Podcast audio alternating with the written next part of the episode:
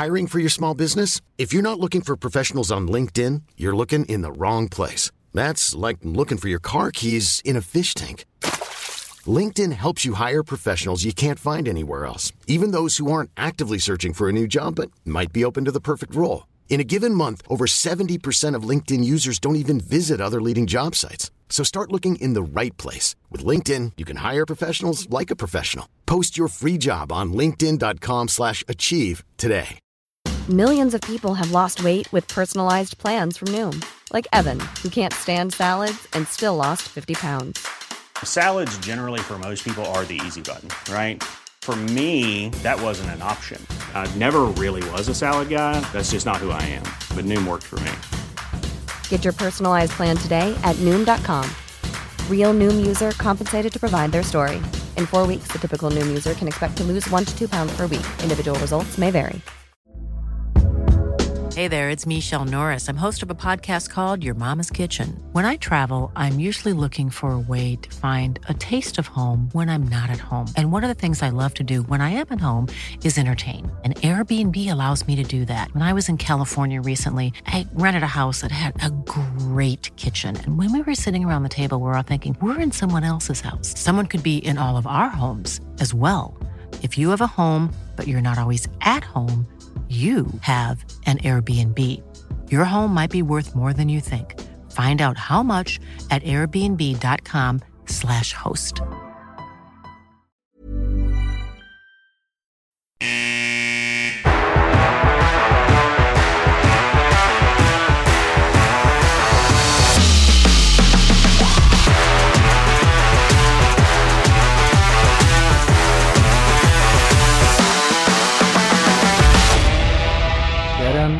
Första advent, 3 december och Vita Gula Blå har återsamlats igen.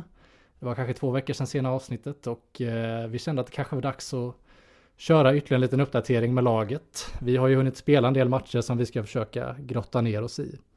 Innan vi gör det så hälsar jag varmt välkommen min, min, min sköna, sköna co-host Jonas Ragnarsson. Ja, men tack ska du ha Karl. Det känns väl bra att vi ändå tillsammans har överlevt sjukdomstillstånd november med det klassiska mantrat kliv, kliv, överlev. Ljusare tider, det är lite snö på backen och man känner väl ändå livet i sig på något sätt tror jag. Jo, men det, det, jag håller med, minst sagt. Eh, vi har inte haft så himla roligt väder kanske senaste tiden, men det är skönt att det får ligga lite snö i alla fall och att det faktiskt håller i sig lite. Jag tar ju det här alla dagar före slasket och allt det här, så att, eller att man kan ut och sladda lite med bilen och så vidare, så då är jag ganska nöjd. Du är alltså en rallykalle med andra ord då. Det är stort. Men du, jag tänker så här Karl, innan vi drar igång. Det finns eh, av alla oviktiga, viktiga saker här i livet så tycker jag väl vårt supporterskap till HV är det som är viktigt av allt oviktigt. Eh, men det har ju hänt någonting här i HV-familjen får man väl ändå säga senaste veckan här som vi på något sätt måste beröra och eh, det jag tänker på är naturligtvis den otroligt eh, svåra olyckan som Sani Hakkala råkade ut för. Och eh, jag kan väl säga så här att det tog hårt måste jag säga när man läste vad hon själv skrev då på sin Instagram och jag tar mig friheten att bara läsa det meddelandet rakt av. Eh, det är fortfarande svårt att förstå vad som har hänt, att krocken med stolpen var så pass seriös som den var, att konsekvenserna blivit så allvarliga. Jag kommer inte bara behöva sluta spela hockey, det som varit en så stor del av mitt liv under många år, utan jag kan dessutom bli tvingad till ett liv i rullstol. Så skriver hon då på och fortsätter. Skadan jag ådrog mig förra fredagen efter att ha krockat med stolpen har förlamat mig från bröstet och nedåt med nedsatt funktion i armar och händer. Det är den verkligheten jag försöker landa i. Och eh, ja, Karl, jag kan väl bara säga så här att vi får väl skicka alla styr, all styrka och alla kramar och allt annat som man bara kan göra i en sån här situation. Ja, men en otroligt, otroligt skön situation och det, det som känns så väldigt overkligt är att man, det kändes så otroligt otippat att det skulle hända just oss. För det känns inte som att vi kanske, det kanske inte har drabbat just HV så många gånger. Alltså jag, det enda jag kan tänka på är Stefan Liv och så vidare. Men sen när det kommer till andra lag så tänker man ju såklart på Tobias Forsberg i Leksand och um, ändå får vara en så pass tuff sport så känns det ju inte som att det händer så pass många dödsolyckor eller väldigt, väldigt allvarliga olyckor. Det är väl Adam Johnson nu också som var för några veckor sedan. Ehm, man räknade väl inte riktigt med att det här skulle Självklart räknar man inte med att det här skulle hända, men det, man blir lika chockad varje gång som något sånt här händer. Och det är otroligt, otroligt sorgligt. Um, någonting, om man kan ta upp en ljusglimt, verkar ändå vara som att Sunny, det är otroligt tufft det här, men hon är ju stark ändå. Kunna gå ut med det här och vara öppen med hur hon känner liksom för och vad som faktiskt har hänt. Um, det är ju ingenting som någon kräver att hon ska förklara det här. Så det, ja, det är starkt av Sunny. Jag vill också säga att det var ju otroligt fint. Jag tror att det var Leksands fans som kom ut först med det här då att meddela att de eh, ville köra liksom och ropa hennes namn växelvis i matchminut 23. Det var hennes tröjnummer då. Och det var otroligt snygg eh, eh, hyllning och framförallt då ja, när hockeyfamiljen går samman så här så finns det något väldigt vackert i det och ja, poängspel, alltså spel om poäng och en felaktig dömd icing eller någon utvisning. Det, det sätter ju alltid något annat ljus det här. Så är det. Ja, man får ju väldigt snabbt väldigt nytt perspektiv och eh, jag kan ju bara komma och tänka på Börje Salming, eh, ramsorna som sjöngs när han gick bort. Det, eh, som du säger, trots all rivalitet så finns det något otroligt, en otroligt vacker gemenskap oavsett vad man hejar på. Eh, och det tror jag är någonting som Sanni själv och hennes familj uppskattar väldigt, väldigt mycket i dessa tider.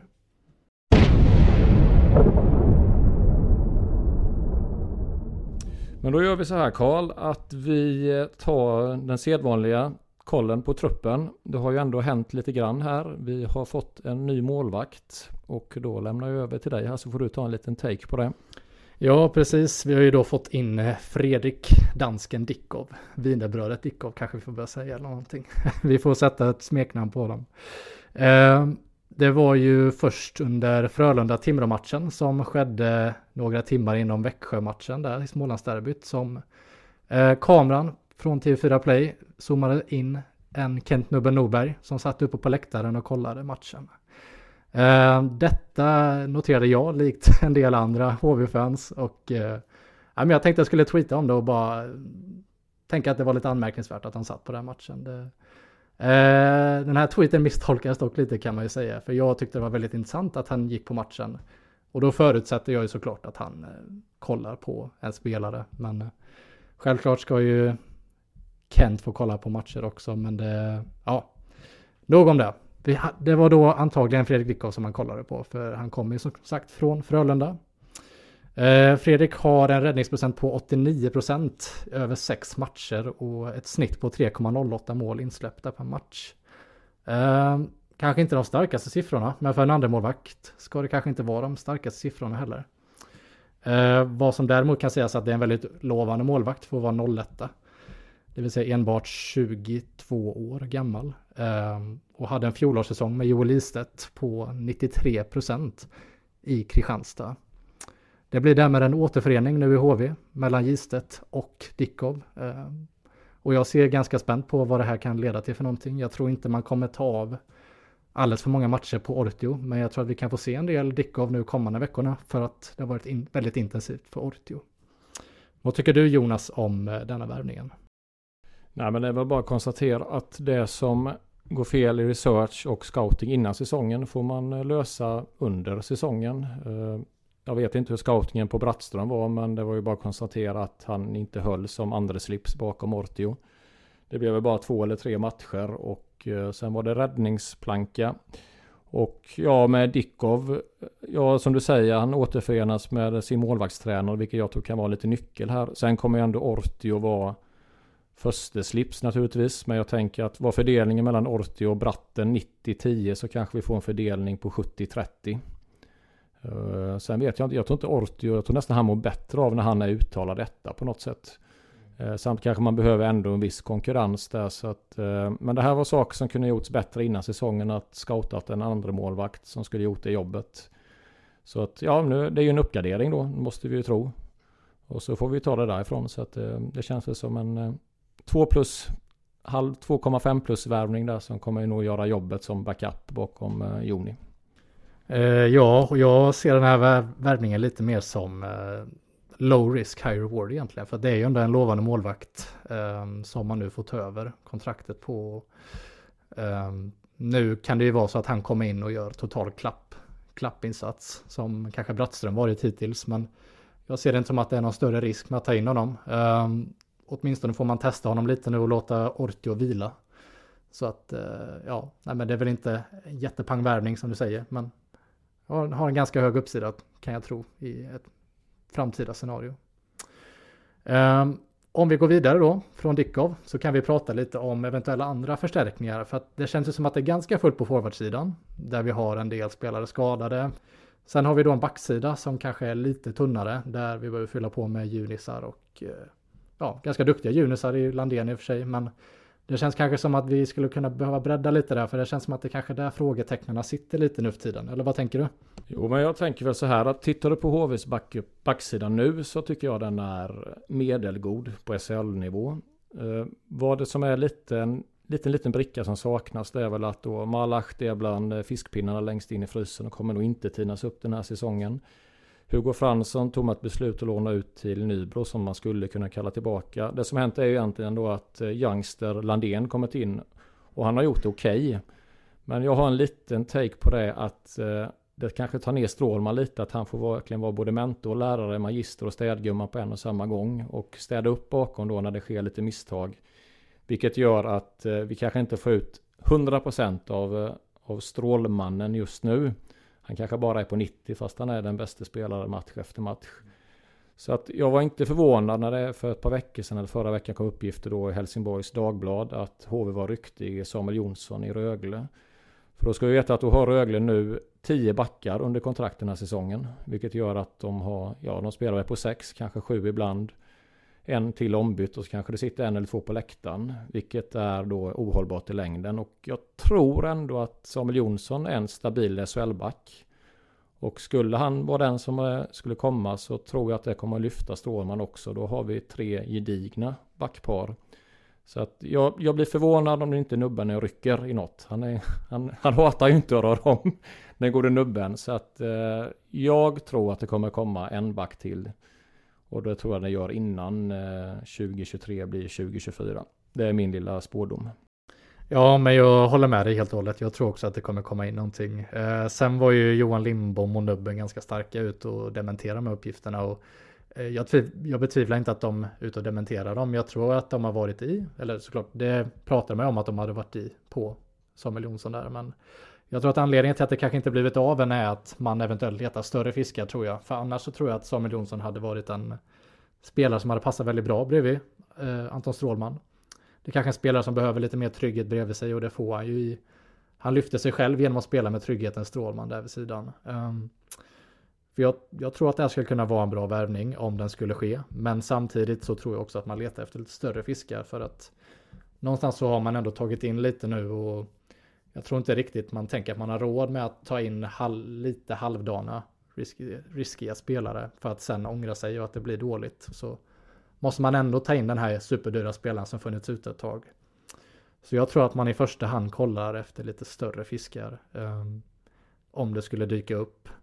Samt att man ger sig själv lite, lite mer tid nu då när uh, Landén då går ganska bra. Den enda frågan är där hur länge man kan vänta då. Om man kan vara kylig. Om det kommer någon som vi säger då en stor fisk ledig i dammen. Om vi då är inne i januari, februari. Eller kanske då söker hitta något redan nu på stabil nivå. Det är nog en avvägning där som Nubben och kompani får fundera lite på. Ja, jag tror absolut inte man har råd att vänta in i, till transferfönstret i februari. Det är ju absolut no-go. Det tror jag att du håller med mig också. Det, jag ser ju helst att någonting sker. Eh, som senast till årsskiftet, möjligtvis en liten, liten tid in i januari, kanske någon vecka in. Men samtidigt så ska det ju vara rätt också. Eh, men har man en känning att det här kan hjälpa laget nu så tror jag att då bör man hugga på det. Ehm, inte minst bara för att det kan hjälpa Strålman i sin backposition men även skapa lite press på de andra backarna. För jag tycker inte den finns riktigt där nu. Ehm, det är jättebra att Landén får gå in, gå in och spela och ändå har bevisat sig vara väldigt duktig och har stor talang. Men eh, jag tycker att pressen saknas på backarna. Pressen saknas på Kaski att bli en storback och så vidare. Men eh, samtidigt då på tal om Kaski där så tycker jag att mm, man kan hjälpa honom mycket genom att sätta en del press och jag tycker man borde ge upp det här hoppet om att han kan bli en stor speldrivande storback. För jag känner inte att han har det i sig bara på grund av att han varit duktig i KL och har en del landslagsmeriter. Men eh, det känns inte som, som att han är där. Ehm, han är inte jättekvick på skridskorna. Det känns som att han ofta tänker att han har mer tid än vad han egentligen har. Eh, inte superaktiv. Ehm, han är absolut inte vår sämsta back i laget, men eh, en sån kille känns som att han skulle kunna behöva ha lite mer press på sig samt att, ja, nej, bara mer press på sig liksom genom att kunna bredda laget lite. Nej men jag tror att, jag vet inte vad, vad man räknar med Kaski, vad han ska vara för något. Är det en eh, 4 plus back eller en 3 plus back? Det är lite där jag landar. Och sen, eh, nu fick han göra sitt första mål för säsongen igår va? Han var skadad de första 10-12 matcherna eller något. Det som är uppsidan med honom det är ju att han ändå skapar oro med att skjuta hela, hela tiden. jag tror han är väl den spelare i serien som har mest skott på mål per match i stort sett. Det är väl han och kanske Dahlén Junior där i Timrå.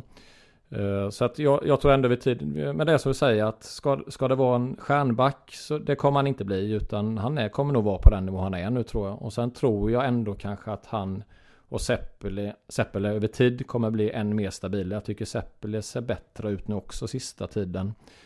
Eh, men det är som du säger, till viss del eh, konkurrens är ju oftast bra.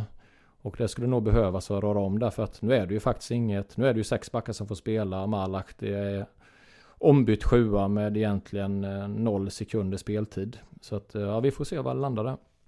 Ja, och jag tänker så här att eh, när Kaski väl kom in i laget förra året, då pratade Nubben och HV generellt om att det här är en kille som de har jagat under ganska många år egentligen. Och det är ganska förståeligt för han har visat bra siffror i KL och så vidare. Men jag tror att det här försvaret hade kunnat se ganska mycket annorlunda ut. För att jag tycker vi bara har egentligen en ledande spelare på backposition när man kanske idealt sett ska ha två eller tre där man vet vad man får precis varje kväll.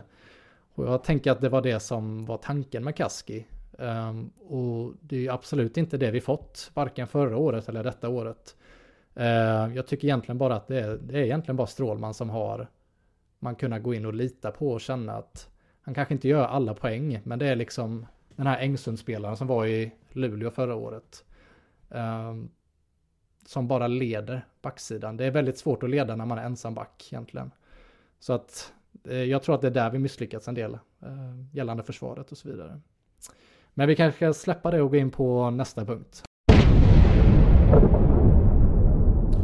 Men vi rullar vidare här i körschemat Karl och då tänker jag så här att med Montén som tränare blev det 12 matcher och nu har Lindbom fått vara ny kapten på denna lite bräckliga skuta i 11 matcher. Och eh, det är klart att det kan väl även blind se att det är mycket som har blivit bättre. Jag tänkte ställa en fråga till dig här direkt bara. Vad tror du poängsnittet var med eh, Montén som tränare? Eh, oj, det känns så länge sedan nu. Alltså, det känns som man gått igenom väldigt mycket sen Lindbom kom in. Men jag skulle väl gissa kanske någonstans runt... Eh, kan det vara så illa som 07 kanske? 067 någonting. Ja, du hugger där. Det blev då 10 poäng på 12 matcher, vilket är ett snitt på 0,83 per match. Och nu har Lindbom då varit 11 matcher och dragit ihop eh, 15 poäng, vilket ger ett snitt på 1,36. Så det, den statistiska säkerställa förändringen då, om vi gör det så nu då, så är det från 0,83 har ökat till 1,36. Och eh, då tänker jag lite så här att 1,36, håller vi det snittet resten av säsongen, då är det på det berömda håret om vi kommer plats 13 eller plats 12, för så tajt kommer det vara. Eh, och med det vill jag nog säga att har man väl grävt en grop i början av säsong så är det oerhört tufft att ta sig ur den. Och nu ska nog inte folk tro att vi kan göra samma great escape som förra säsongen, sista 12-13 matcherna. För det, det, kommer aldrig hända igen. Då, var, då stod alla stjärnor eh, rätt på en och samma gång där. Så att, eh, men visst, saker och ting ser bättre ut. Men poängsnittet kanske inte är så högt som folk tror att det är med Lindbom. Att det krävs ännu mer. Men jag tror att du har någon positiv ingång i det här, som jag också i och för sig. Men kör dina punkter, vad som egentligen då har blivit bättre. Ja, det, det jag framförallt skulle vilja säga är bättre och det är det vi var inne på i förra avsnittet och det är någonting som egentligen har hängt i sig tycker jag. Det är simpliciteten i spelet och tydligheten. Um, vi behöver inte gå in på det mer än vad vi pratade om förra avsnittet. Eh, jag tycker mig se en större kämpavilja. Eh, som också leder till en bättre mentalitet. Eh, och detta exemplifieras ju främst genom att vi lyckas ta oss tillbaka i matcher, senaste sex matcherna. Eh, snabbt så har vi vunnit tre och förlorat tre senaste sex matcherna. Där vi förlorade mot Rögle och tappade en 3-0 ledning på bortaplan.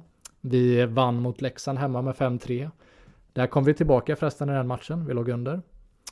Vi mötte Timrå och vann 4-3 eh, på övertid. Där kom vi också tillbaka i den matchen. Det är ju väldigt svårt att glömma det sista minuten målet som Radan gjorde där efter att Timrå tog ledningen. Rånet, matchen Rånet kan man verkligen säga. Sen har vi den mörka matchen mot Växjö. Den vill jag egentligen inte prata jättemycket om för att det är, det är inget mer att säga än att de är två, tre dimensioner bättre. Så att jag, jag vill nästan bara sudda ut den där matchen från... Det är inte så mycket mer att säga än att det är ett lag som är bättre än det andra. Eh, sen har vi Örebro-matchen hemma där vi vann med 3-2 efter straffar. Där vi kom vi också tillbaka i den matchen. Och så förlorar vi då mot Färjestad hem, eh, borta på bortaplan med 6-3. Eh, jag tycker det är väldigt starkt att vi kommer tillbaka i de här matcherna. För som sagt, som vi var inne på förra, förra avsnittet så pratade vi om Montén att hade de hade motståndarlagen tagit ledningen med kanske ett, två mål i de här matcherna, då hade det runnit iväg mot 4, 5, 6 i de flesta matcherna med Montén. Men det gör det liksom inte nu utan jag tycker även att vi såg det här igår mot Färjestad att vi håller ändå en bra nivå och vi ökar flera tillfällen efter Färjestad i mål förra matchen. Eh, och det är väl en av anledningarna till, att vi faktiskt kommer tillbaka i matchen och är med i den ända in i slutet. Trots att det upplevs vara så pass dominant från Karlstad-laget. Ehm, jag tycker också att vi har haft en bättre produktion på individuella spelare. Det är kanske det vi saknat också. Ehm, först och främst så pratade vi med Lindbom att han behöver få ihop gruppen. Han behöver sätta ett spel som alla är med på, en idé som alla köper. Och med det här då så kommer då det här behovet att vi behöver produktion från enstaka spelare. Vi behöver kunna spetsa den individuella skickligheten. Och det tycker jag att vi gjort främst genom den nykomponerade första kedjan med Stål Lyrenäs, Shore och Lench. Där framförallt Stål Lyrenäs har visat den kvaliteten som vi egentligen hoppades på när han kom hit. Och Shore har varit allt och mycket till. Jag tycker han har varit bättre hittills i år än vad förra säsongen på något sätt. Eh, uh, Lench har gjort ja, en del poäng. Han Har gjort fyra poäng nu på sex matcher. Eh, inte over the moon, men hans funktion i den kedjan kanske är mer slit. Eh, och de andra står för mer produktion. Så det tycker jag faktiskt är en positiv grej. Eh, det finns såklart en del negativa grejer men You ask for the positives and I'll give you the positives. Ja det är ju det är så att jag är ju alltid den griniga gubben av oss får du se det positiva på det. Men det blir, det blir en bra diskussion där. Nej men jag, jag köper allting du säger och framförallt jag menar Eh, eh, på montenska tiden så räckte det att motståndaren 1-0. Du visste att matchen var slut. Det fanns ju inte en chans i, liksom, i det berömda hv att HV skulle vända om en match när man kom under med ett mål. Utan då rusar man bort sig och tappar huvudet fullständigt. Och även som du säger att då vissa, vissa säger jag nu, spelare som ska vara bra är bra nu.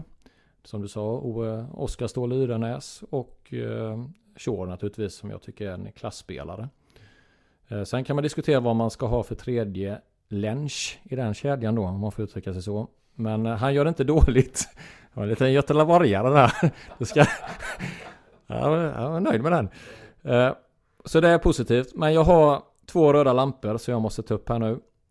Eh, det första är när HV sätter sig i antingen flygmaskin eller åker runt i den där bussen där det står att vita, gula, blå, oss kan ingen slå. För jag kan berätta att när HV sätter sig på den bussen kan faktiskt alla slå oss. Det är så att på 12 bortamatcher har HV skrapat ihop fyra enkelfyra poäng. Hur många poäng är möjliga där då? Ja, då blir det ju 4 av 36. Blir det ju. Eh, jag kan avslöja att Oskarshamn har tagit 9 poäng på resande fot. Det säger ju egentligen det mesta om eh, hur bortafaset ser ut. Eh, jo tack, det är ju så det är och eh, bara för att strö lite ännu mer salt i såren här då ska jag säga att eh, HV har gjort 25 mål på resande fot och släppt in 55. Det är alltså en målskillnad på minus 30. Så att eh, där någonstans måste man ju hitta ett sätt att vinna även borta. Om det är bara eh, att grisa eller ta någon form av flyttseger.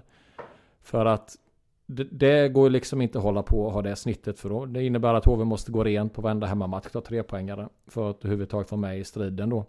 Och eh, det är lite bekymmersamt för det måste nog komma att det måste bara vända runt på något sätt. För jag menar så dåligt dåligt kan man inte vara bara för att man åker runt i vit tröja istället för en blå hemmaplan. Det är det första. Det andra som jag kanske ändå tycker är än mer bekymmersamt är special teams. Nu är vi där igen, runt 90%. Det ska vara 100, lägg ihop PP kanske på 20-25. Så ska du ha en box på sådär 80. Nu har vi en box som är nere på under 70% igen.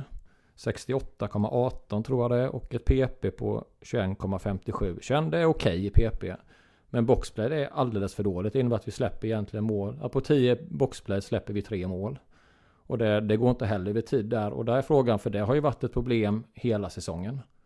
Det var uppe bra i början, sen var det en riktig dipp när jag tog knappt den var nere, nere, alltså nere på 50% eller något. Och nu är det 68, den måste ju upp till 80-85 och det måste ske nu för att jag har också känslan av att vi har vissa spelare i det här laget som kanske inte är känd för sin hockey-IQ. Det är väldigt mycket onödiga utvisningar i anfallszon ibland. Det är någon meningslös hakning där, det är någon konstig crosschecking där. Och så ger man då motståndaren det här klassiska momentumet, ett enkelt mål i PP. Och så är det en grop igen. Och där vet jag inte riktigt vad Limbom ska göra just när det gäller boxplay PP. För det är väl ändå då firma Davidsson, PLG som är lite ansvariga för det. Sen fattar jag att Lindbom är med i diskussionen. Men där måste ju ske någonting helst igår och inte då i alla fall senast på torsdag, lördag när det vankas två hemmamatcher då. Så det är de två grejerna jag har som jag inte ser har blivit bättre efter Lindboms inträde. Och där sätter jag röd flagg, röd flagg. Sen är det en grej jag vill ta upp med dig. Om du tycker det är bra eller dåligt. Jag vet att det var efter matchen mot Växjö. Där Lindbom igen går ut och sågar laget stenhårt i media. Han eh, säger väl att han ber om ursäkt till alla HV-fans som åkte till Växjö och fick utstå den här förnedringen. Och att vi har vissa spelare som inte förstår allvaret i det här. Eh, och det är som vi pratar om för det är naturligtvis helt medvetet. Men i min värld så kan du spela det kortet en gång per säsong. Nubben drog kortet på Norrlandsturnén efter Luleå. Då körde han sin hårtork i omklädningsrummet. Ordförande Davidsson har dragit det kortet med Fat and Happy en gång. Det kan han inte göra igen utåt. Och Lindbom körde det kortet redan efter två, tre matcher. Om det var mot Modo hemma eller något va. Då han verkligen var kritisk. Och, och då får jag tänka så här. Måste den här ledarstaben verkligen ha piskan på spelarna varje träning, varje dag? För att driva det här. Det är den känslan jag får. Att han måste gå ut och såga dem via media för att de ska vakna till och förstå vad som krävs. Och då känner jag att det är ett jätteproblem. Om det är liksom en sån bekvämlighet, hur det nu kan vara i ett lag som ligger näst sist. Att de måste pusha dem inför varje träning. För jag, jag tänker mig att det kan vara lite slött ibland på träningarna. Att det föder någonting, att de sitter i bussen uppe lite mätta. Och så sköljs det över. Och den irritationen hos Lindbom tror jag redan börjat under träningarna på veckan. Det är så jag kan tolka det bara. Men det är liksom, för mig kan man dra det kortet en gång. Eh, vad tycker du, rätt eller fel?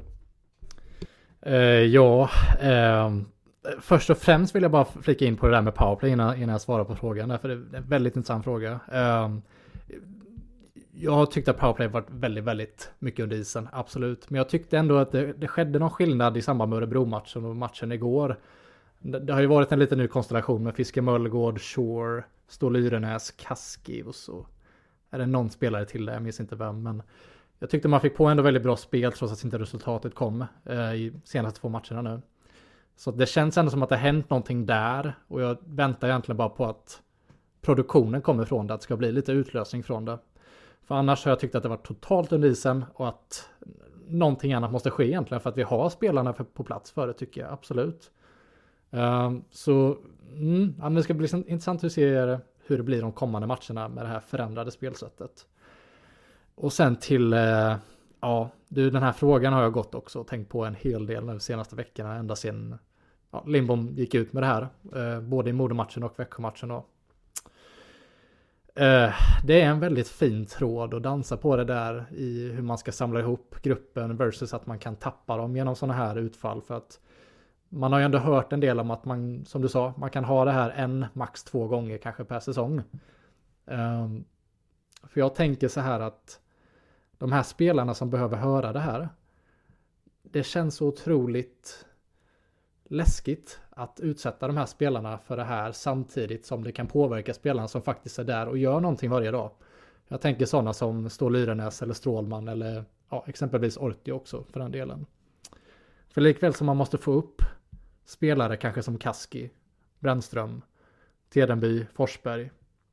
så vill man ju inte tappa spelare som Shore, Står Lyrenäs, Ortio, Strålman. Men eh, hur jag hade velat gå tillväga är att börja bänka kanske istället. Skapa en större bredd, visa det genom ett sånt sätt. Belöna spelare som gör det bra. Bestraffa spelare med bänken med sådana som inte verkar vilja vara där och kunna ge 110% varje träning, varje match. Det tycker jag kanske är egentligen bästa sättet att skicka tydliga meddelanden om att det här håller inte. Du måste ge mer för klubben, du måste visa mer vilja. Ehm, och detta utan att skada då de spelarna som faktiskt är där och gör jobbet varje dag. Problemet du säger där med, och det är också ett bekymmer nu när man tänker efter, så att det har ju egentligen inte varit någon konkurrenssituation på forwardsidan på grund av skador. Uh, nu går Hugo Pettersson in och spelar som tolfte. Alltså det finns ingen, i stort sett ingen trettonde forward. Alla får ju spela oavsett.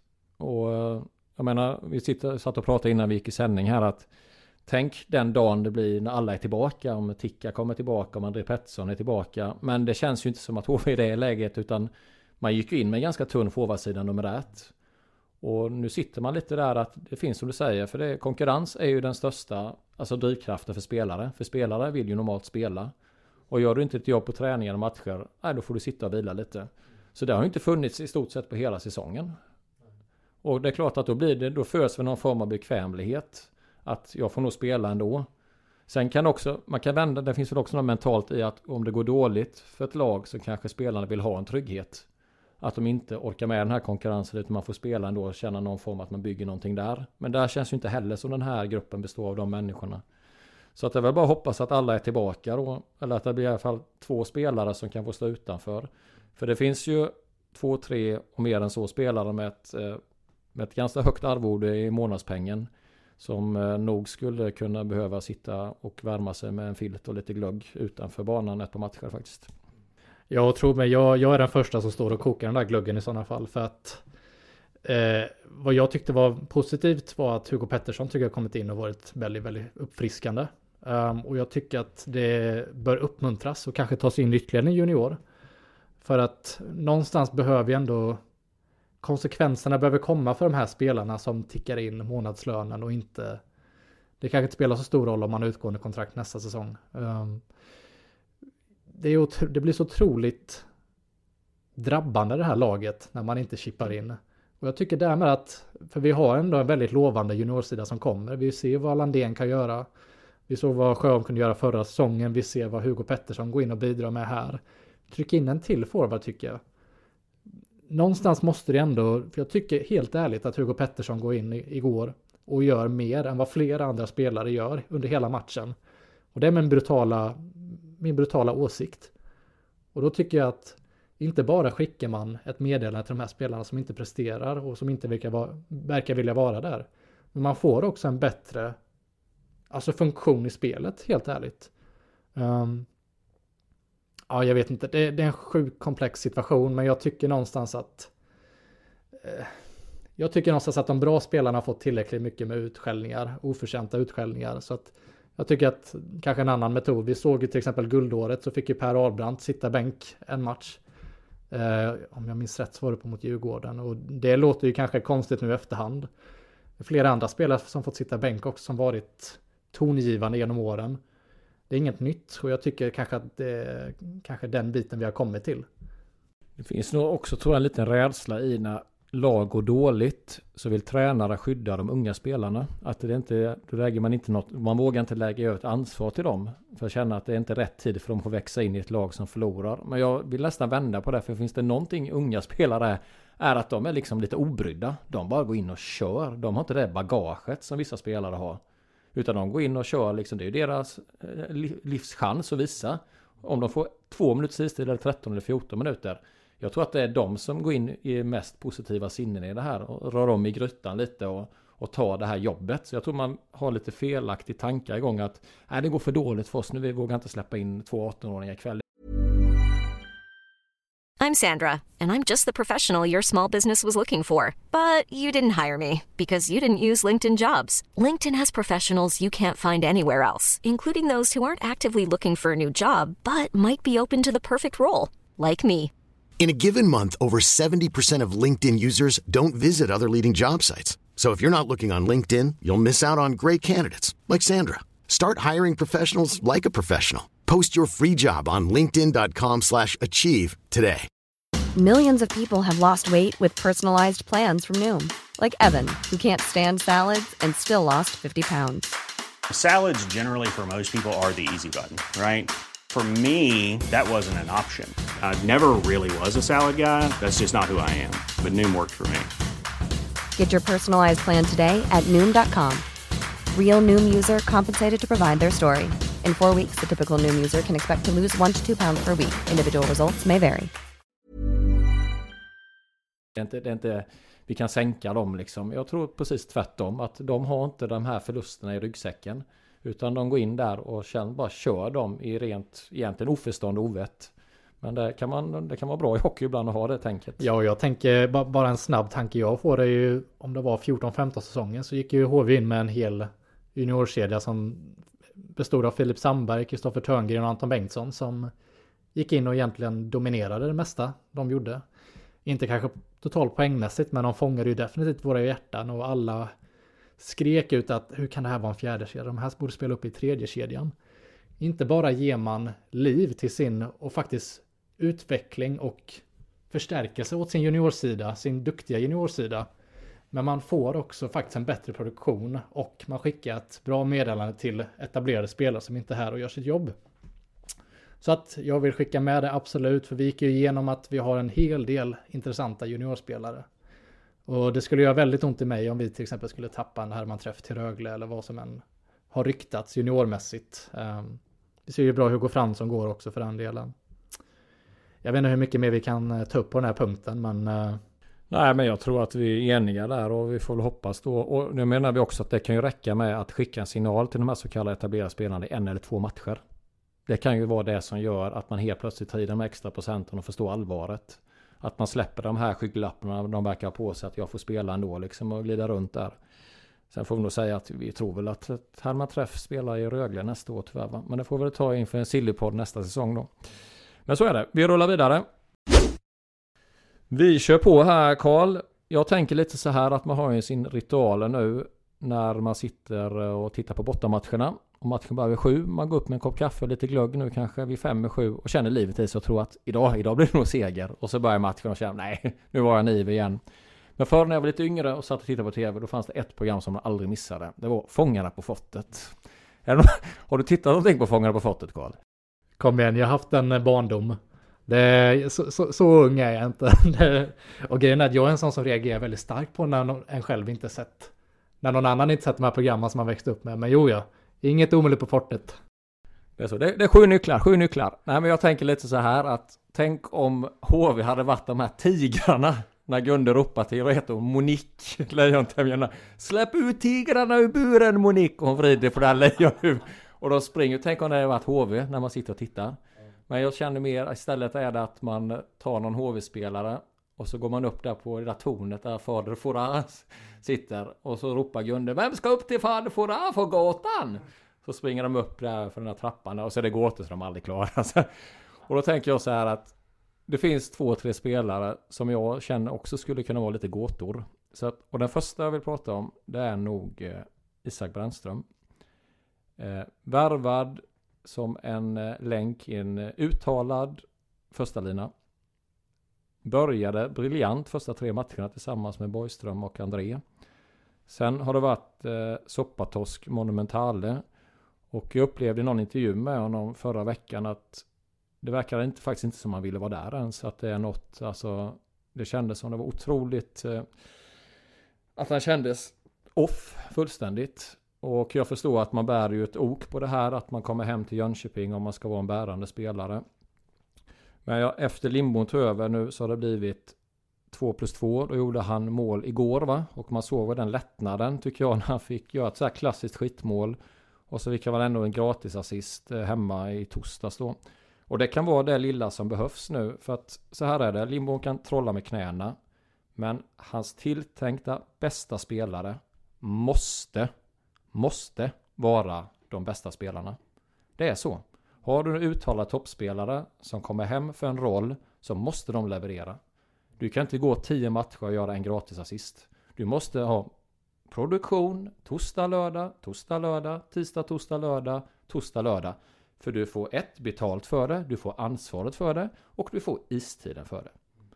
Och nu hoppas jag bara, för jag tycker nu, om man nu kan skönja vissa saker, att det har sett lite, lite bättre ut åt Brandström torsdag, lördag. Att han vinner de här duellerna lite vid sarghörnen, att han kommer ut med puck och fördelar puck och då får producera lite poäng. Men sett de här nu 20 plus matcherna så är det ju, det är faktiskt en av SHLs största gåtor. Det får vi nog ändå säga där. Och det, det måste komma att det lossna nästa vecka. Punkt och slut. Och då hoppas också André tillbaka. Och då kanske vi kan få in den här kedjan igen då. För att den andra gåtan i det här. Det är nog också Henrik Borgström. För jag vet inte Karl, du får bryta in här snart. För att. Ja, alltså.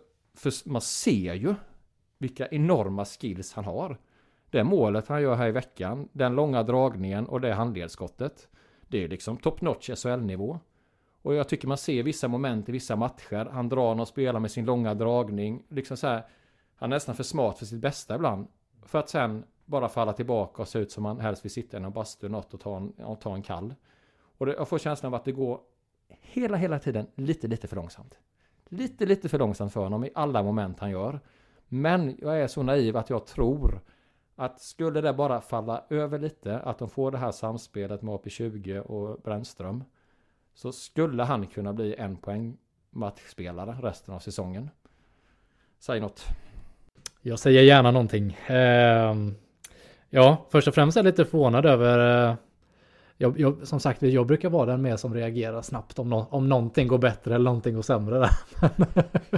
men eh, vet du, det, det, är kul, vi kan skifta roller lite ibland. Um, nej, men eh, jag var ganska snabb på att tycka att is, det var lite en annan Isak vi såg efter Växjö-matchen då hemma mot Örebro. Um, det kändes som att det var en kille som var lite mer aktiverad. Uh, han fick ju spela med Tedenby som jag också tyckte var ett steg upp från vad han har varit tidigare i säsongen under just den matchen mot Örebro där. Uh, vad Isaks formsvacka berott på om det är utebliven produktion. Det är liksom frågan, men vad man ändå kan konstatera är att det, han ser ju inte ut att må jätte, jättebra ute på isen. Alltså, jag, menar, jag menar inte att prata om att han mår dåligt mentalt eller någonting, men eh, helt klart så är det inte jätteroligt att spela hockey nu, eh, märker man.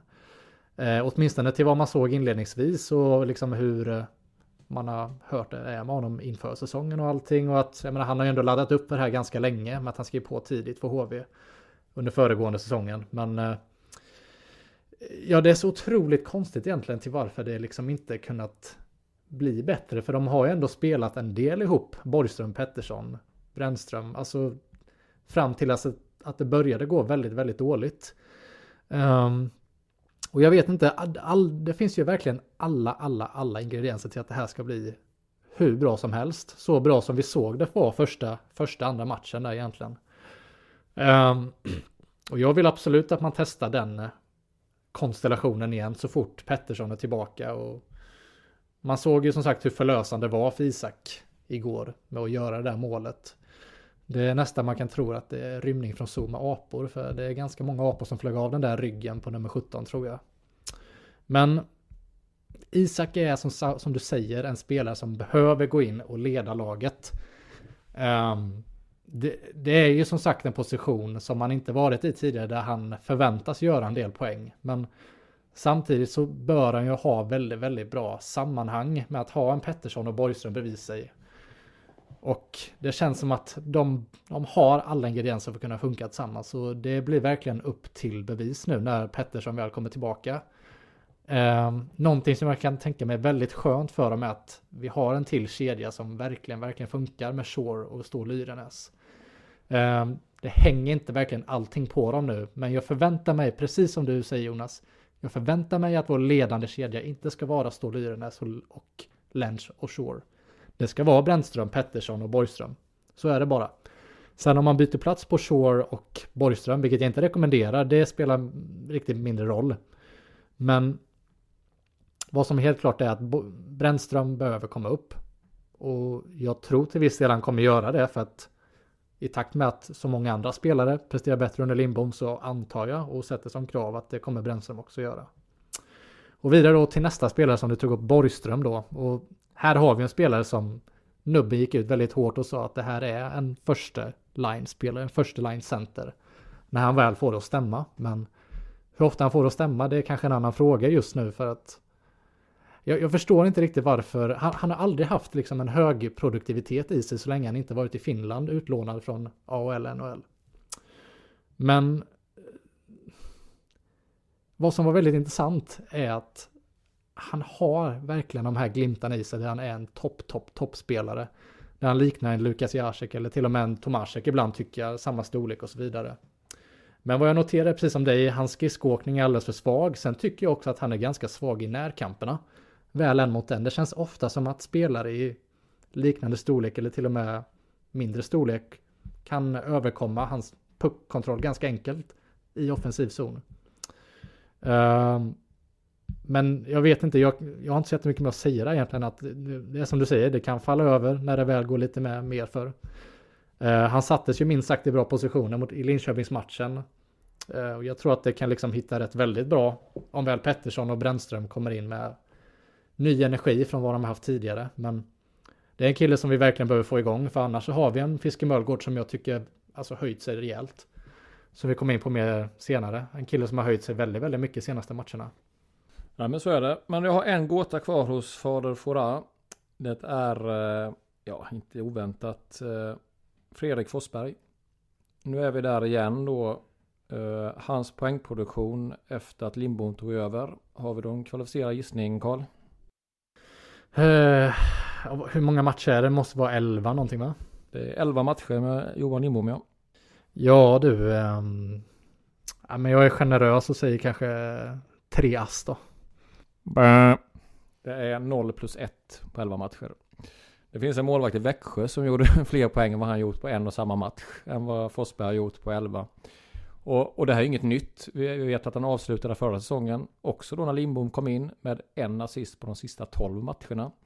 Och eh, här är det nog mer bekymmersamt tror jag än både Brännström och, och faktiskt även Borgström. För att eh, jag tror inte att Forsberg är någon speciell Lindbom-favorit riktigt. Eh, istiden har ju gått ner en hel del vissa matcher. Men här då vi pratar om att ibland kanske statuera exempel att bänka en så kallad etablerad spelare. Som fortfarande är någon form av publikfavorit. Mer kanske för vad han gjorde i året i Allsvenskan. Och även första året i SHL.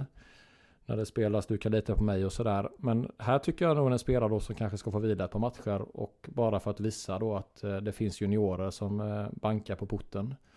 Eh, för problemet också med Forsberg är att när han inte gör poäng och är i den berömda zonen. För det, det kommer han alltid liksom i, i kluns. Gör han ett mål en match vet man att då gör han mål i två, tre matcher till. Sen blir han nollad en match och då går det tio matcher till. Eh, och då, liksom, han bidrar inte med någonting i spelet heller i fem mot fem. Det är inte så att han skapar chanser, slår ut sin gubbe.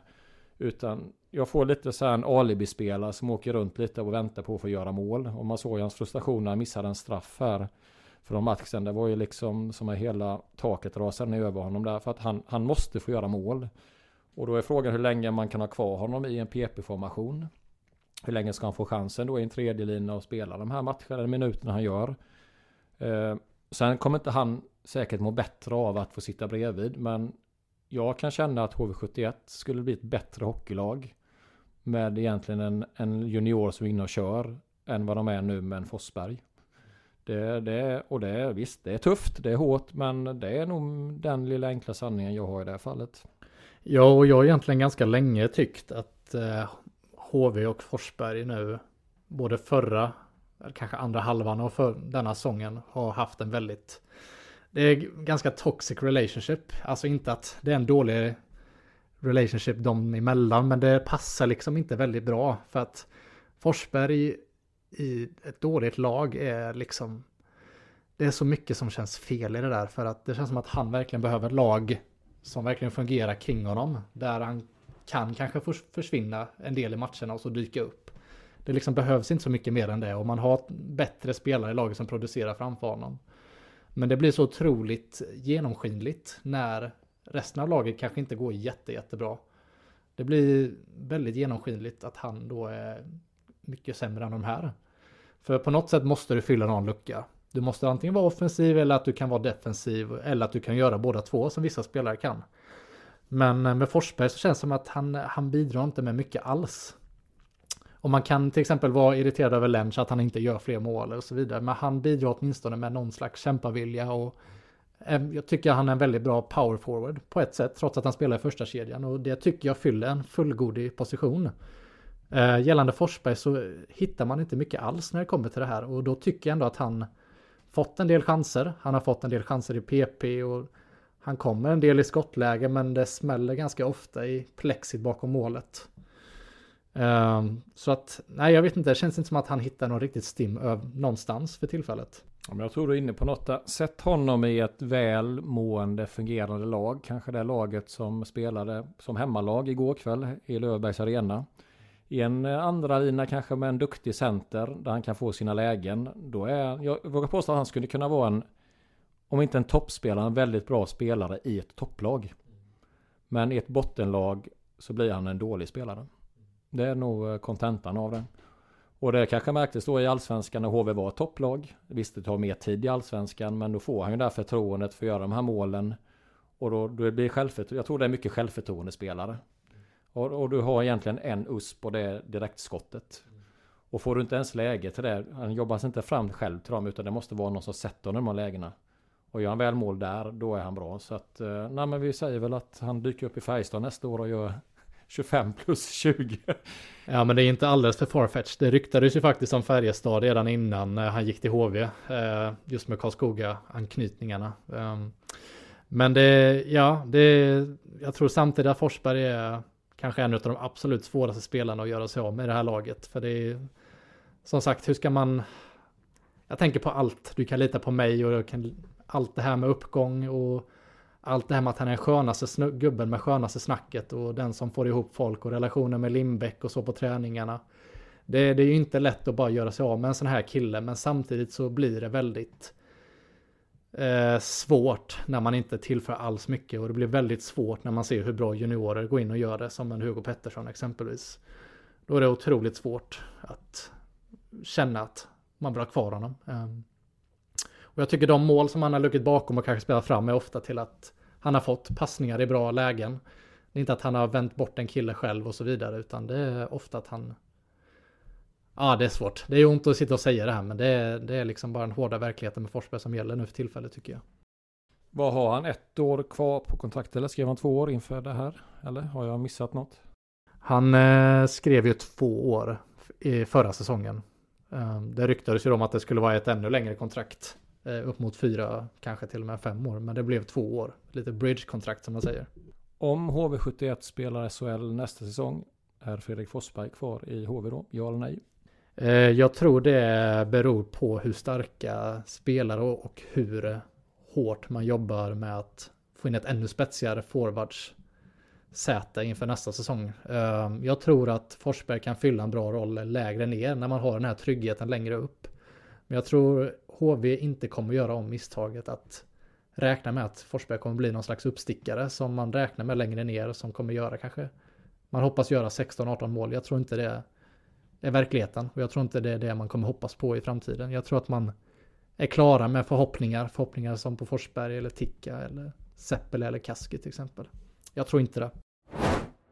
Ja Jonas, innan vi går ner för landning här nu så skrev du till mig innan och gjorde mig lite nyfiken för du skrev att du hade en överraskning till mig innan jag satte mig i bilen på väg hit. Eh, vad har du för mig? Är det en tidig julklapp kanske? Ho ho ho, jo då, vi kör en liten adventskalender tänker jag, en liten julkalender. Det blir någon form av blandning mellan Hall of Fame, Hall of Shame, kända spelare, dåliga spelare. Någon matchserie här och kanske något misslyckat där. Eh, högt och lågt helt enkelt. Så jag tänker lucka 1. Och det är en spelare jag vill åt. Jag kommer ge dig ett par ledtrådar så får du ta en gissning. Det här är då säsongen 04-05. Det är eh, lockout i eh, NHL. Det innebär att stjärnorna vallfärdar till eh, SHL elitserien.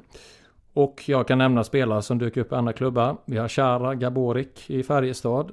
Modo, Sidins och Forsberg Näslund. Frölunda, körde sina med Alfredsson och Bäckman och Paulsson och kompani. Och Kossa gick runt på gatorna i Mora. Eh, så här, HV tog ett beslut att inte plocka in några SL, eller NHL-spelare från början. Med tanke på att man var svensk mästare, hade ett bra lag och man trodde att lockouten inte skulle pågå så länge. Men det sket sig, lockouten var hela säsongen och HV började sladda i tabellen och agerade. Och då plockade man in denna spelare. Eh, det blev flopparnas flopp, vågar jag påstå. 10 matcher innan han åkte hem. Ett mål, 30 utvisningsminuter. Och må hända den mest otränade spelare som vistats på isen i Kinnarps arena. Har vi någon gissning Karl? Ja men du, eh, det måste ju vara ingen annan än den levande legenden eh, Brian McCabe, eller hur? Eh, som du sa så var det en del andra spelare också, bland annat Jonathan Chichu också, som man också kan ifrågasätta. Men jag antar att du syftar på Brian McCabe, eller hur? Det är rätt svar Carl, Brian McCabe. Och han studsade tillbaka sen året efter i NHL. Gjorde väl en eh, nästan 70 poäng eller något sådär. Och eh, var en av NHLs, ja, kanske topp 10 backar i Toronto. Men under HV tiden lämnar han inga större spår efter sig kan man säga. Utan eh, när man utser en flopplista i HV så är han ofta en presumtiv vinnare där. Så då ett av ett. Vi fortsätter till lucka nummer två. Då säger jag bara så här. Sex säsonger i HV. 352 matcher och 277 poäng. Ja men det, jag tänker så här, om man spelat över 300 matcher som utländsk spelare så måste det ju vara efter att man gick över till 52 matchers eh, serien. Eh, inte, det vill säga inte Ove Törnbergs 25 matcher serie utan då egentligen tänker jag bara på en finsk spelare. Det måste vara den mest klatschaktiga slutspelspelaren som vi har haft av utländskt ursprung och det måste vara Jukka, Jukka, Jukka Voutilainen. Det är ju korrekt. Vi kanske inte sa det innan men det är de här tre jag söker först. Det är utländska spelare. Jag kan inte sa det innan där. Vi sa nog det till ett litet eh, off-läge där. Det är rätt. Det är naturligtvis en goda Jukka. Kom till HV inför säsongen 06-07. Åkte därifrån efter säsongen 11-12. Kallades ju Trollkarlen när han kom dit. Han var tilltänkt som center. Eh, jag säger inte att han var otränad när han kom, men han var lite kompakt och eh, det funkade inte riktigt. Då kom någon på den briljanta lösningen att vi sätter ihop honom med Törnberg och Davidsson och magi var skapad. Får man ändå säga. En av de bästa kedjorna vi sett på isen i, i arenan och framförallt ett PP då tillsammans med två eh, kända backar. Eh, ett otroligt direktskott. Hittade alltid läget när Davidsson passade fram honom i höga låga slott. Och levererade på en otroligt fin nivå. Så en av de absolut största finska spelarna vi haft i HV. Det här går bra Karl, det är ju 2 2. Det sitter. Då öppnar vi upp lucka nummer tre och jag säger bara så här. Det är fortfarande utländsk spelare vi söker. En säsong 95-96 var säsongen. 40 matcher, 31 mål. Ja du. Eh, och den är svår egentligen. För att eh, min ursprungliga känsla var kanske om det skulle kunna vara Per-Åke Skröder. Men jag var lite osäker på hur många säsonger han hade i HV. Så, eh, ja men då får vi kanske egentligen bara säga Kai Nurminen va? Jag brukar blanda ihop hans namn med Kai Hyttinen som gjort Irlanda så jag säger väl en shoutout till Kai Hyttinen och säger Kai Nurminen då. Ja, hade du låst fast Hyttinen så svar då hade jag blivit orolig. Nej men det är ju rätt, det är naturligtvis Kai Nurminen. Det blev bara en säsong, som vi sa 95-96. 40 matcher, 31 mål och 24 poäng. Summa summarum 55 pinnar och en andra plats i poängligan bakom guden himself Esa Keskinen. Och det här var verkligen Humle Dumle, Knoll och Tott, Yin och Yang, Gin och Tonic, Semla med grädde. Det var en, eh, ett otroligt radarpar ihop. Uh, Esa slog passningarna och Kaj gjorde mål. Jag säger att av de 31 målen så tror jag att Esa passade fram till 30. Underbart. Men man måste väl ändå säga att det är mandelmassan som går ihop med semlan där eller? Ja, mandelmassan är en viktig ingrediens i semla. Men eh, och ska vi prata semla kan vi hålla på en egen semmelpodd här. För det är något av det. Vi pratade om oviktiga, viktiga saker innan. En smäktande god semla. Det är fem av fem det. Du har tre av tre. Eh, den sista är ingen eh, person. Utan jag kommer säga ett epitet som en matchserie kallades. Så får du verka fram om du tar matchserien. Naturligtvis HV inblandade. Jag säger bara skrattmatchen. Vad säger du då? Jag säger ett citat som jag tror jag aldrig hört i samband med en match. Så att det är helt blankt egentligen. Eller det känns som jag har hört det, men jag kan absolut, absolut inte relatera vilken match, matchserie det är i samband med. Det är så här att eh, vi går till guldåret 95. HV halkar in på åttonde plats, får möta stora starka Djurgården. Och på den tiden fanns det en hockeykrönikör på Expressen som verkligen var den man läste. Det var Niklas Andersson. Och han hade analyser av alla andra eh, kvartsfinalpar. Så kom det till Djurgården HV. Det var en väldigt kort text. Det var bara tre, fyra rader. Och jag citerar då vad han skrev. Eh, precis som tidigt i höstas är jag övertygad om att Djurgården vinner SM-guld. De är nämligen bäst. HV71 i kvarten blir en ren skrattmatch. Slutcitat. Och sen la han också till det här. Sen tror jag att eh, HV har samma chans att överleva den här kvarten som en mjukglass skulle ha i Saharaöknen. Slutcitat. Och det var inget av tid utan det var ju så det var egentligen. Vad som sen hände var ju början på en osannolik guldresa. Eh, första matchen på Globen inför inte ens 6000. Det var inte så att järnkriminella gick man och huset för att titta på det där kycklinggula laget från Jönköping på besök. HV vann första matchen 5-2. Tillbaka till Roselundshallen inför, jag tror det var 4100 som man klämde in då på den tiden. Seger i sadden, 2-0 matcher, bäst av fem. Upp till Globen igen. Nu hade de börjat fylla nästan hallen så nu var det 9000 och tittade. 5-2 igen, pang, pang, pang. Skrattmatch monumentale åt fel håll. Det var sanning vackra tider det. Ja, men det är någonting med att kunna slå Stockholmslag och förutsagda meningar om, som de kallar då kanske bondelag, det vill säga alla utanför Stockholm. Um, nej, det, det är ändå, ja, jag, jag vill ju ändå minnas det här, den här, den här matchserien nu, men jag minns inte att man kallar det just skrattmatchen. Men otroligt rolig anekdot, otroligt rolig anekdot. Men du får godkänt, det är ju 3 av 4, det är 75 procent. Det är vad HV ska ha minst i boxspace. Förhoppningsvis redan nästa vecka. Eh, fyra luckor, vi får nog köra ett avsnitt i veckan då för det är ju 20 luckor fram till jul här då, men det har vi inget emot. Och innan vi går in på avslutningen av detta avsnittet av Vita, Gula, Blå så tänkte jag dela med mig av en eh, liten uppdatering som kommer från ingen mindre än eh, våran egna sportchef i HV71, Kent Nubbe Norberg. Kent som jag under senaste veckorna har haft en eh, ständig dialog med, där jag ställt lite frågor om eh, hur det går med arbetet kring A-laget, hur det går för vissa enskilda spelare och så vidare. Eh, jag inledde med att fråga Kent hur skicket är med Andrea Pettersson som vi vet ådrog sig en skada i samband med senaste landslagsuppehållet. Eh, André kan jag hälsa från Kent Nubben Norberg är att André är på is idag. Förhoppningsvis spelar han på torsdag, men veckan får utvisa det.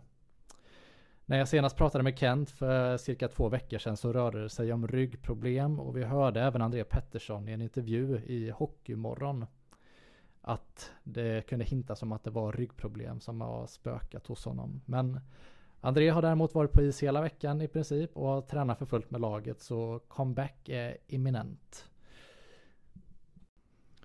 Samtidigt så passade jag på att fråga en väldigt aktuell fråga till vår sportchef Kent. Uh, de flesta sportcheferna börjar ungefär kring den här årstiden. Eh, kanske runt november-december snaret börja titta på nästa säsongs trupp. Eh, för att kunna sätta tidiga kontrakt och bygga ett tidigt stabilt lag. Eh, detta som inte Kent har börjat med hittills. Eh, på min fråga så svarar han Vi har börjat titta på nästa års lag men inget konkret förhandling pågår. Eh, och detta är kanske inte så konstigt för att HV återigen hamnat i en sits där man inte vet vilken serie som man spelar i kommande säsong. Så detta gör, skulle kunna leda till att vi kanske återigen hamnar på bakfot. Men återigen, det är väldigt tidigt i planering fortfarande också. Samtidigt då så har vi ett lag som står på banan idag och då passar det också på att fråga Kent hur det ser ut med möjligheten att skicka upp ännu fler juniorer i A-laget som vi redan diskuterat i den här podden. Vi har ju minst sagt ett stort antal intressanta juniorer som redan är uppe och som kan komma upp. Vi har ju Oskar Fiske Möllgård, Axel Andén och Hugo Pettersson som är uppe just nu. Men väldigt intressant skara som kommer bakifrån också med ja, Olof Clifford, Noah Eliden, eh, Hampus Sandahl, eh, Karl Anborn, Jamiro Reber. Det är minst sagt ett stort, stort antal juniorer som skulle kunna komma upp och få lite mer istid egentligen. Herman Träff som ryktas lämna för Rögle, möjligtvis nästa säsong för att få just den här istiden han letar efter. Ehm, på min fråga hur möjligheten ser ut att kunna ge fler än juniorer istid framöver så svarar Kent. Det är inte omöjligt. Vi ser juniormatcherna och de som visar framfötterna är aktuella. Och minst sagt så verkar det vara flera spelare på juniorsidan som visar framfötterna så att eh, om vi fortsätter se den här negativa trenden hos icke-presterande spelare så blir i alla fall inte jag alls förvånad om inte fler juniorer kommer upp och försöker ta plats. Avslutningsvis så frågade jag vår sportchef Kent hur han såg på den här upphämtningen som har blivit nu den så kallade Limbom-effekten, kapten Limbom. Eh, hur Kent såg på det här tydliga uppsvinget i lagets prestation besvarar han genom följande citat. Sen Lindbom har tagit över så är poängsnittet högre. Tycker att jobbet över hela banan blivit bättre men fortfarande en bit att gå vad gäller spelet i egen zon. Sen måste spelet i special teams bli mycket bättre. Uh, inga konstiga kommentarer egentligen utan uh, egentligen en väldigt samlad bild från vad både jag och Jonas tycker också. Och detta då var den lilla uppdatering som uh, Kent Nubben Norberg kunde bjuda på inför detta avsnitt av Vita Gula Blå. Vi tackar Kent för att han är så öppen och kommunikativ med både fans, ledarskap, sponsorer, spelare, alltihopa. Vi tackar Kent för hans samarbete. Jag känner väl kanske det är dags att avsluta. Har vi, har vi en grej till innan vi känner att vi stänger? Vi sa innan att bland det finaste i veckan var väl hockeyfamiljens kärlek till Sani Hakkala. Men vi har ju ändå en grej till som värmde hjärtat något otroligt. Du får ta den så avslutar vi med den helt enkelt. Ja, eh, likväl som vi skickar våra starkaste kramar och vår kärlek till Sunny och hennes familj så känner vi att vi vill ändå avsluta med att uppmärksamma de här otroligt vackra stunderna som uppstod senast i Örebro-matchen när vi spelade hemma.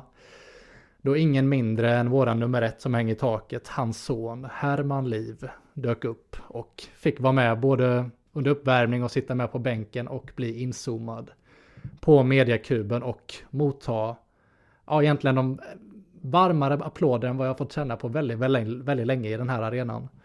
Eh, det var till och med så att Patrik Westberg blev ganska lyrisk i kommentatorsbåset och det var väldigt, väldigt kul att se liksom för att man fick känslor som man inte riktigt känt sen kanske de här åren 08-10 när jag var ett litet, litet barn. Då jag fick gå, eh, sitta i mitt hus i, i Rosenlund och se folket vallfärda bort mot Scandic, förbi Scandic in till dåvarande Kinnarps arena.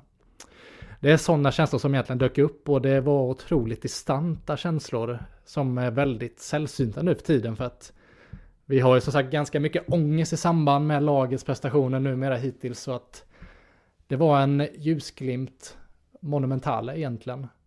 När vi fick se Hermans leende och skrattande i samband med den här inzoomningen. Vad, vad kände du när du såg det Jonas? Nej, det är ju bara instämma. Jag, eh, det där lite full i fan-leendet som Herman sken upp i med bakåtvänd keps och kanske tuggummi i munnen. så obrydd om allting och, och så ändå medveten tror jag om den eh, kärleken som träffade honom där. Uh, nej, det är ibland, ibland idrotten bara väldigt, väldigt, väldigt, väldigt, väldigt vacker. Men vi känner att vi är klara där och vi säger tack och bock för idag Karl. Så på återhörande och ta hand om er. Ta hand om er, ha det gott.